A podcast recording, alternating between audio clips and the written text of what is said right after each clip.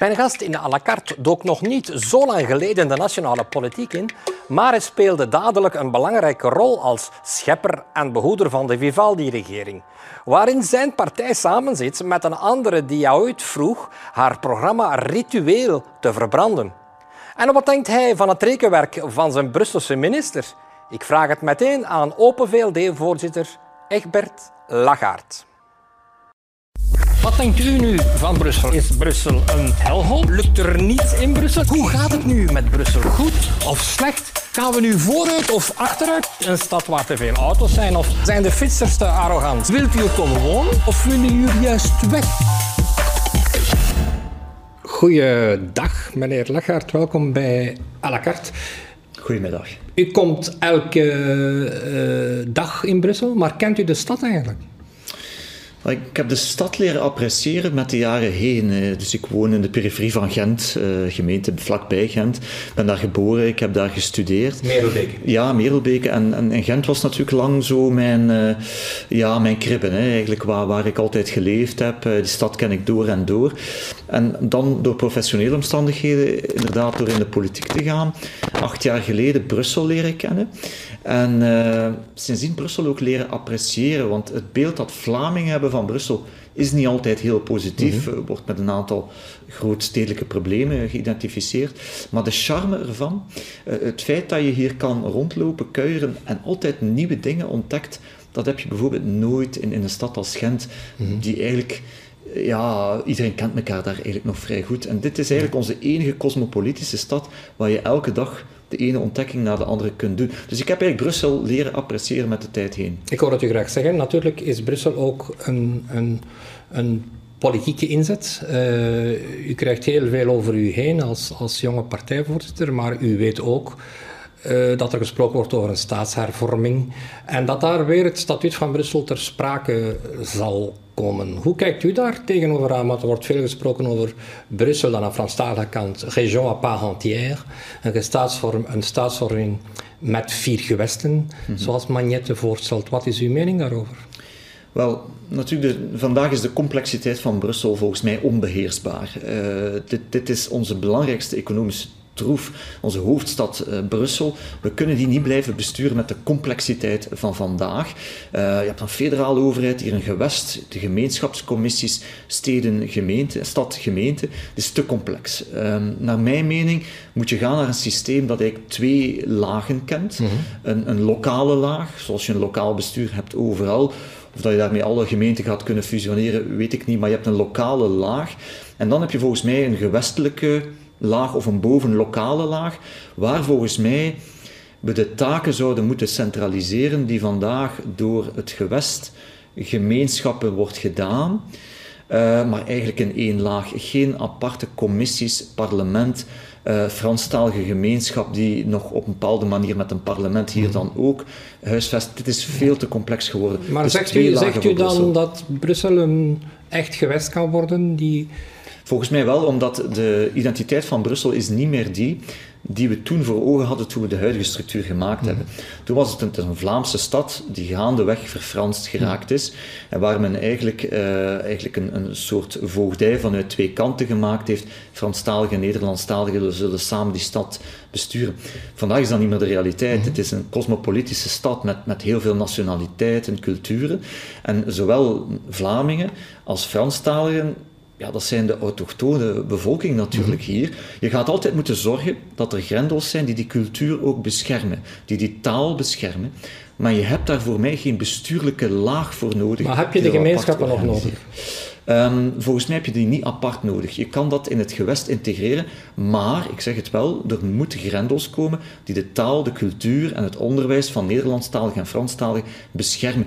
Maar om dat te beheren vanuit Vlaanderen en vanuit uh, Franstalige gemeenschap als een soort voogden over die hoofdstad, daar geloof ik niet in, in dat model. Het gevaar bestaat natuurlijk als men een gewest à part entière heeft. En het gewest houdt zich ook bezig met onderwijs. Het tweetalig of drietalig. Ja, u weet ook hoe aan Franstalige kant het eraan toe gaat in het, in het onderwijs. Dan zou het Nederlands wel eens het kind van de rekening kunnen worden. Maar ik, ik weet dat dat natuurlijk de historische strijd is om dat Nederlands hier te beschermen en de positie van de Vlamingen toch staande te houden. Maar er zijn toch heel veel voorbeelden in het buitenland eh, waar men ook landen gehad heeft met, door migratiestromen dat eigenlijk ja, diegenen die oorspronkelijk een stad bevolkten een minderheid werden. Dan is het toch mogelijk om daar wettelijk uh, grendels in in te bouwen, zodat die bescherming blijft. We hebben daar voor mij gewoon geen politici voor nodig of bestuurders apart. Het lijkt me perfect mogelijk om een garantie aan vertegenwoordiging te hebben binnen dat gewest Nederlandstalige, Franstalige, grendels af te spreken wat er in taal en cultuur verder moet geïnvesteerd worden, zodat de authenticiteit van Brussel, het oorspronkelijke erfgoed, dat we dat beschermen. Vreest u toch niet dat hij op die manier de band met Vlaanderen doorknipt? Maar ik vrees in de realiteit dat dat eigenlijk vandaag al het, het geval een, stuk is, omdat uh, voor Vlamingen is Brussel een stukje een, een vreemde eend in, in, de, in, in de bijt. Uh, we zien dat als Vlamingen denk, jonge mensen zien dat minder als echt een Vlaamse stad, zoals vroeger. Die zien dat eigenlijk als iets, heel, als iets bijzonders. Eh, het is niet Wallonië, het is niet Vlaanderen, het is eigenlijk een apart statuut. En ik vrees in de realiteit dat we ook bestuurlijk daar naartoe gaan. Maar, betekent dat dat u zegt dat bijvoorbeeld de taalwetten in Brussel achterhaald zijn? Dat, uh, zover wil ik niet gaan, want uh, op zich moet je daar respect hebben voor wel de cultuur die oorspronkelijk was in de stad. Dus als we zeggen Nederlands is niet meer van belang, op termijn kan voor de Franstaligen net hetzelfde gelden. Hè? Want hier zijn zoveel etnieën en culturen dat Nederlandstaligen en Franstaligen op een bepaald moment wel eens voor hun cultuur en hun taal zouden moeten strijden. Je moet altijd respect nog altijd hebben voor een stuk erfgoed in de samenleving, een stuk cultuur. En daar kan je niet onderuit. Dat is erfgoed, dat is cultuur. Nederlands en Frans heb je hier samen. En oorspronkelijk was het een Vlaamse stad. Dus je moet dat wel ergens vergrendelen, dat in publieke functies, dat dat wel afgedwongen kan worden, dat die talen gerespecteerd worden. Dat staat los van de bestuurlijke cultuur. Mhm. Het is gewoon, mijn probleem is, de bestuur, de bestuurscultuur, het is te complex geworden. Je kan het op die manier niet goed beheren. U weet natuurlijk dat iemand als uh, Georges-Louis Boucher, uw collega van de MR, met wie u toch veel contact heeft, uh, die perfect eentalig is, dat hij daar helemaal anders over denkt. Wel, wij zijn eigenlijk op dit moment, 2024, aan het voorbereiden met de MR. U weet, vandaag in het Brussels gewest zit Open VLD in, in de coalitie, MR zit uh, in de oppositie. Uh, dat willen wij in 2024 eigenlijk echt niet meer. En wij zijn samen die toekomst aan het voorbereiden en we zijn ook aan het praten over de toekomst van Brussel. Want als we natuurlijk ons samen willen aanbieden aan coalitiepartners in 2024, dan moeten we het ook eens zijn over hoe we de toekomst van Brussel zien. En daar merk ik toch wel openheid om dat niet op de klassieke francofone manier te zien, die mhm. op een, laten we zeggen, eh, niet egalitaire manier naar het Nederlands en het Vlaams kijken. Dus wij zijn nu samen aan het schrijven aan een toekomst voor Brussel. En dat zou natuurlijk wel een nieuw verhaal zijn, dat we eigenlijk nog niet direct gezien hebben. U, dat is dat een Frans... weet dat Boucher er soms nogal extreme stellingen over nahoudt. Ik, ik ga u iets voorlezen dat hij mhm. gezegd heeft bij het overlijden van de burgemeester van de faciliteitengemeente Wezenbeek-Oppem, François van Aubronc d'Astre, die geschorst was als burgemeester omdat hij de taalwetten niet naleefde. Hij noemde die een symbool van het Franstalig gevecht in de rand en de verdediging van de faciliteiten, die het resultaat waren van de weigering om de taalgrens te laten evolueren. Dat is eigenlijk wat ik zou categoriseren als rabiate FDF-taal, dat hij dus op momenten gebruikt als hij niet in een, in een vergadering zit met u over de toekomst van België. Dus mhm. u kan begrijpen dat sommige mensen een beetje op hun hoede zijn voor te veel openheid naar die Franstaligen. Omdat, ja, ik wil nog eens op die taalwetten terugkomen. U weet ook dat ja, in de Brusselse hospitalen, bij de Brusselse politie, zijn er toch grote misstanden. De vice-gouverneur heeft bekendgemaakt dat 85% van de benoemingen in de Brusselse gemeenten niet de taalwetten respecteren. Het gewest zou die benoemingen kunnen schorsen, maar doet dat niet. Mhm. In dat gewest zit een liberaal minister. Mm ja, natuurlijk uh, zijn een aantal zaken samen. Eén, wat, wat uh, Georges Louis verteld heeft, uh, enfin, is natuurlijk voor zijn rekening. Wat, wat mijn wens is, is dat wij samen een project kunnen schrijven voor Brussel, waar Nederlandstaligen en Franstaligen naar de toekomst gerespecteerd zijn en waar we gewoon zorgen dat het complexe bestuur van Brussel met enorm veel politici, enorm veel autoriteiten die moeten beslissen en waar het eigenlijk nog heel moeilijk is om die stad op die manier te beheren, dat we daar een oplossing voor vinden. Dat is als liberaal, u zal het mij niet kwalijk nemen, voor mij de efficiëntie van de overheid die drastisch moet verbeteren en die Brusselse structuren is een stukje daar de uitweg. Ehm, die verklaringen u, spreekt, zijn... u spreekt over grendels, ja. maar als ik dan kijk naar de taalwetten, mhm. ja, daar bestaan ook grendels voor, namelijk wettelijke voorschriften die niet worden nageleefd. En die moeten gerespecteerd maar worden. Maar het gewest doet dat niet. Wel, ik, Minister. Gats doet dat niet. Ja. Het gewest heeft de macht om de benoeming in, in de gemeenten die de, grond, die de taalwet niet respecteren te schorsen. Mhm. Waarom zegt u niet aan uw minister, u moet dat eisen dat die benoemingen geschorst worden. Ja, maar als ik het goed voor heb, is dat uh, één minister die die bevoegdheid heeft uh, om dat te doen. Als dat inderdaad niet correct is, zou die moeten optreden. U weet ook hoe complex uh, eigenlijk het bestuur van Brussel is op dat gewestelijk niveau. Eigenlijk met een coalitievorm die tot stand komt, eerst Nederlandstalige, Franstalige, mm en dan moet men een regering maken. Dat is natuurlijk niet zo evident. Hè. Je, hebt, je hebt toch een veel complexere manier om tot één programma te komen. Is niet dat de Nederlandstaligen een, een, een dwang kunnen uitoefenen, maar... maar... Ze zouden wel kunnen zeggen bijvoorbeeld dat ze van mening zijn dat de taalwetten moeten gerespecteerd worden. Sowieso. En als, dat, als de Vlamingen een, beetje, een klein beetje zouden rommelen een aantal faciliteiten in de rand, dan springt uw vriend Georges Louis op zijn paard natuurlijk. Well, ik heb hem daar nu recent niet over gehoord, maar ik geef u wel gelijk, taalwetten zijn er niet voor niets.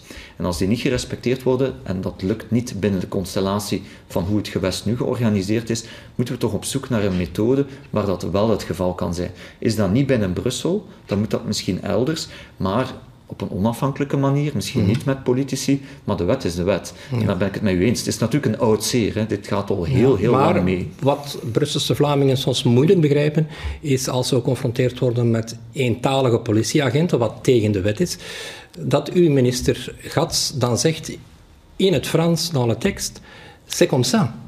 Dat, hoe heeft u daar zelf op gereageerd, op die uitspraak? Ja, ik heb mij daar niet in gemengd, maar ik, Sven Gats staat voor een um, multilinguaal Brussel. Hè. Dus hij, hij, staat erop dat eigenlijk een aantal talen in Brussel naar de toekomst hun plaats hebben. Nederlands is daar sowieso cruciaal. Als maar waarom zegt hij dan c'est als het duidelijk blijkt dat bij de politie te weinig Vlamingen zijn. Hmm. En het Nederlands wordt niet opgelegd als verplichte taal aan agenten. Dat, u zou toch kunnen zeggen, no passeran? Ja, maar als ik daar persoonlijk met hem over spreek, dan denk ik dat hij die gevoeligheid zeker heeft. Maar waarom zegt hij dan niet naar buiten? Naar zijn achtergrond toe denk ik dat hij daar zeker gevoelig aan is. Eh, of hij dat nu publiek gezegd heeft of niet, heb ik niet in de gaten gehouden. Maar ik, ik weet zeker vanuit zijn eigen overtuiging mhm. dat hij ook wil dat hij op zich die taalwet respecteert. Maar het zit meer en hoe laat je dat nu eigenlijk naleven? Mm -hmm. Leg dat in handen van één minister? Of zou er toch niet een andere autoriteit moeten zijn die op een onafhankelijke manier daar werk van maakt? Dit loopt nu al decennia achter en zouden we toch als Nederlandstaligen in een oefening uh, die nu komt, moeten meenemen hoe we dat kunnen afdwingen. Anders blijft het inderdaad door de letter en ben ik het eens met u, dat is niet de evolutie die wij ook willen. Ja, u volgt natuurlijk de Brusselse politiek uh, heel nauwkeurig. U weet dat minister Gats hij een heel slecht rapport gekregen heeft van het Rekenhof. Die vond dat de rekeningen zeer slordig waren opgesteld, dat er ook een bijzonder gênante rekenfout in stond. Als u in de oppositie zou zitten, zou je dat toch niet aanvaarden dat, dat een minister zegt: ja, we hebben een beetje slordig geweest, maar we gaan het beter doen, terwijl uw partij al ongeveer 20 eh, jaar het departement van Financiën beheert. Ja, goed, ik ben iets meer dan een jaar voorzitter. Ik kan niet voor het hele verleden eh, gaan praten. Maar hoe dan ook, wat daar vastgesteld is, het Rekenhof heeft opmerkingen gemaakt over de Brusselse rekeningen. Die waren zwaar, dat waren zware opmerkingen. Pas op, ze hebben ook opmerkingen gemaakt op andere rekeningen. Ze hebben zich bijvoorbeeld mhm. onthouden op de Vlaamse rekeningen van de Vlaamse begroting. Maar goed, wat we hier zien, dit kan niet blijven duren. Dit heb ik ook met minister Gats opgenomen. Ik heb zijn reactie gezien, maar ik heb hem wel gezegd, en we hebben dat samen overlegd, er moet nu dringend een actieplan komen. Het ging over een aantal Brusselse instellingen, die keer op keer in gebreken blijven om hmm. degelijke rekeningen te bezorgen. Die keer op keer cijfers aanleveren die totaal niet kloppen. Hoe komt dat dat blijft duren? Ja, bedoel, ik, Zijn ik kan natuurlijk niet spreken... meneer Van Hengel had dat toch ook al kunnen aanpakken? Ik, ik, kan natuurlijk niet voor meneer Van Hengel spreken Natuurlijk voor niet, 20 maar jaar ik bedoel, geleden en 10 jaar geleden het sleept al zo lang aan en dan Inderdaad, zegt men en, volgende eh, keer beter. En even goed als u heb ik daar, als ik zoiets lees als liberaal, zeer veel frustratie, want een Mhm. rekening voor een, eh, voor een partij die goed met de centen wil omgaan, is cruciaal dat dit aangepakt wordt. Dus Van Gats heeft nu een actieplan gemaakt, zowel voor die instellingen, om die nu op een correcte manier te laten eh, rapporteren. Daar moet men de komende twaalf maanden aan werken. En in ieder geval, als Open VLT-voorzitter, wil ik niet dat we volgend jaar of binnen twee jaar nogmaals met zoiets geconfronteerd worden. Eh, we verwachten van elke overheid dat ze degelijk met de centen omgaat. Dat kun je alleen maar doen als op een correcte manier rapporteert. En het Rekenhof heeft daar pertinente opmerkingen op gemaakt. Dus ik was ook eh, zeker not amused als ik dat zag. Mhm. Maar ik ben blij dat Sven Gats nu een actieplan gemaakt heeft. En we rekenen op de correcte uitvoering. Hoe daarvan. komt het dat uw partij ook aanvaard heeft dat de kabinetten van de Brusselse regering de zwaarste zijn van het land? Dat bijvoorbeeld, het is natuurlijk niet uw minister, maar minister-president Vervoort, heeft meer medewerkers dan Jan Jan Bon. Dat Mhm. Ja, is toch merkwaardig? Waarom aanvaardt u zoiets? Ja, maar eh, met alle respect, ik ben voorzitter sinds vorig jaar. Ik was er niet bij toen deze regering gecreëerd is. Maar Eh, u dus bent daar niet voor, toch? Dat die kabinetten niet. overbemand En dus als zijn. ik een van de zaken wil waarom ik Brussel wil herstructureren, dan is het ook omdat ik zie veel te veel parlementsleden die over Brussel moeten beslissen, veel te veel ministers die er moeten over beslissen, veel te veel niveaus en veel te veel kabinetsmensen. Allicht voor een stad als Brussel zoveel kabinetsleden, dat kun je inderdaad niet uitgelegd krijgen. Mhm. Als je ziet wat een federale minister moet doen, of, een- of een Vlaamse minister, eh, ja, die moeten het toch wel met, eh, met minder mensen doen. En we hebben nu eigenlijk al eh, ja, in de schoot van de federale regering heeft men afbouwscenario's naar de toekomst. Vlaams heeft men eigenlijk al een inspanning gedaan. Brussel moet daar nu echt ook een stap vooruit zetten. Voor een stad van 1 miljoen mensen kun je dit echt niet uitgelegd krijgen. Nog een moeilijk heikel punt, het onverdoofd slachten. U gaat ermee te maken krijgen, uw partij heeft ermee te maken gehad in Vlaanderen, daar is een verbod gestemd. Eh, uw tegenhangers hebben ermee te maken gehad in Wallonië, daar is ook een verbod gestemd. In Brussel zal dat niet lukken. En dat is mede het, het, doordat één partij waarvan u ooit zei dat ze hun statuten moesten ritueel verbranden. Ze hebben dat blijkbaar niet gedaan, want zij zullen ervoor zorgen dat dat uitgesteld wordt. Dus dat dat, dat onverdoofd slachten in Brussel waarschijnlijk nog een tijd zal blijven bestaan. Hoe, hoe kijkt u daar tegenaan? Ja, wel dus één, we hebben dit binnen Vlaanderen nu gedaan gekregen. Pas op, is ook nog niet finaal, want er zijn procedures Ja. eh, van bepaalde groepen tegen eh, dat decreet. Eh, maar goed, ik, ik denk en hoop toch dat dat eh, gehandhaafd blijft. En in Brussel moeten we ook die stap zetten. Dat is zeker ons standpunt. Maar natuurlijk, u weet ook hoe een coalitie werkt. Men moet inderdaad iedereen meekrijgen. Tot hiertoe is daar geen consensus over gevonden.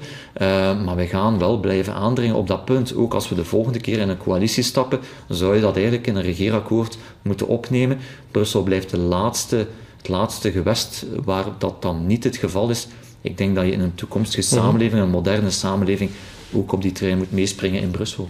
Ja, maar hoe gaat u dat doen? Want u weet dat er een blokkage is bij, bij Ecolo. Ja, natuurlijk, zo werkt een, een coalitie. Als je natuurlijk dat niet afgesproken hebt van in het begin en gaandeweg zit je met, uh, met zo'n thema, dan kun je, er zijn twee dingen die je kunt doen. Ofwel wacht je op een nieuwe verkiezing, nieuwe coalitie, ofwel kun je zoeken dat op een bepaald moment er één grote deal rond een aantal onderwerpen ontstaat tussen de coalitiepartners. Uh, soms halverwege een bestuursakkoord kan dat wel eens en kan dit terug op tafel komen. Dus wij kunnen dit gerust terug op tafel leggen, maar we kunnen natuurlijk ook niet buiten het regeerakkoord een andere partij haar arm uh, omwringen. Ja, maar denkt u dat het mogelijk is om met een partij als Ecolo samen te werken? Uw uitspraak die ik net geciteerd heb was nogal ja. een, een, een, harde uitspraak. U mm -hmm. zit nu in twee regeringen met die partij. Wel, we moeten zeggen, uh, federaal mijn oorspronkelijke idee was inderdaad een, een, andere coalitie waar zij niet bij zouden zitten. Ik kwam toen uit de verkiezingen van mei 2019 en uiteindelijk uit Zweeds, waar vele liberalen toch verder naar hunkerden, omdat sociaal-economisch dat wel de lijn was die, die we wilden houden. Maar we moeten natuurlijk eerlijk zijn, ja, die Zweedse ploeg heeft de verkiezingen niet gewonnen. Vlaams Belang is, is gestegen en het was heel moeilijk om eigenlijk tot een nieuwe federale coalitie te komen. Um, en op het einde van de rit bleef het op twee keuzes. Ofwel werd het, het werd sowieso paars met rode familie, blauwe familie. En ofwel zou het met N-VA zijn, ofwel zou het met de groene familie uh, zijn. En we hebben eigenlijk eerst geprobeerd van met N-VA, toen ik voorzitter geworden was, om, om daar een coalitie mee te maken. Maar wat ons wat ontgoocheld heeft, was het akkoord tussen rood en geel, waar er heel veel op sociale uitgaven werd ingezet en veel op verdere staatshervorming, maar redelijk weinig liberaals in zat. En we moesten onze familie ook splitsen. En dat zijn de redenen geweest waarom wij dan toch gaan kijken zijn mhm. of er geen ander project mogelijk was. En al wel moet ik zeggen dat ik eigenlijk aangenaam verrast ben door de groene familie. Zij gedragen zich bijzonder constructief in die coalitie. Ik denk als er vandaag soms spanningen zijn, zeker langs de Franstalige kant, dat die niet bij de Groenen zitten. Uh, die proberen ook gewoon deze coalitie te laten lukken. Mm uh, dat zit met hun hart wel in die coalitie. En je kunt ook wel uh, vrij makkelijk toch eens contact leggen, bilateraal, om iets uit te praten als het een probleem wordt. Dus het heeft mij wel in stijl van politiek toch wel aangenaam verrast. En ik weet dat ik in het begin sceptisch was. en iedereen heeft natuurlijk een stuk compromissen mm moeten maken. Dat is zo. Ik laat in het midden wie zijn programma precies verbrand heeft, maar wellicht heeft iedereen een stuk water in de wijn moeten doen. Maar de bestuurscultuur heeft, heeft, heeft mij wel aangenaam verrast. Dus het is een fijne samenwerking. Dus, eh. Goed, bedankt meneer Lagarde. Graag tot een volgende keer. En u, kijker, u bent er weer, want volgende week zit Melina hier. Tot dan. Dag.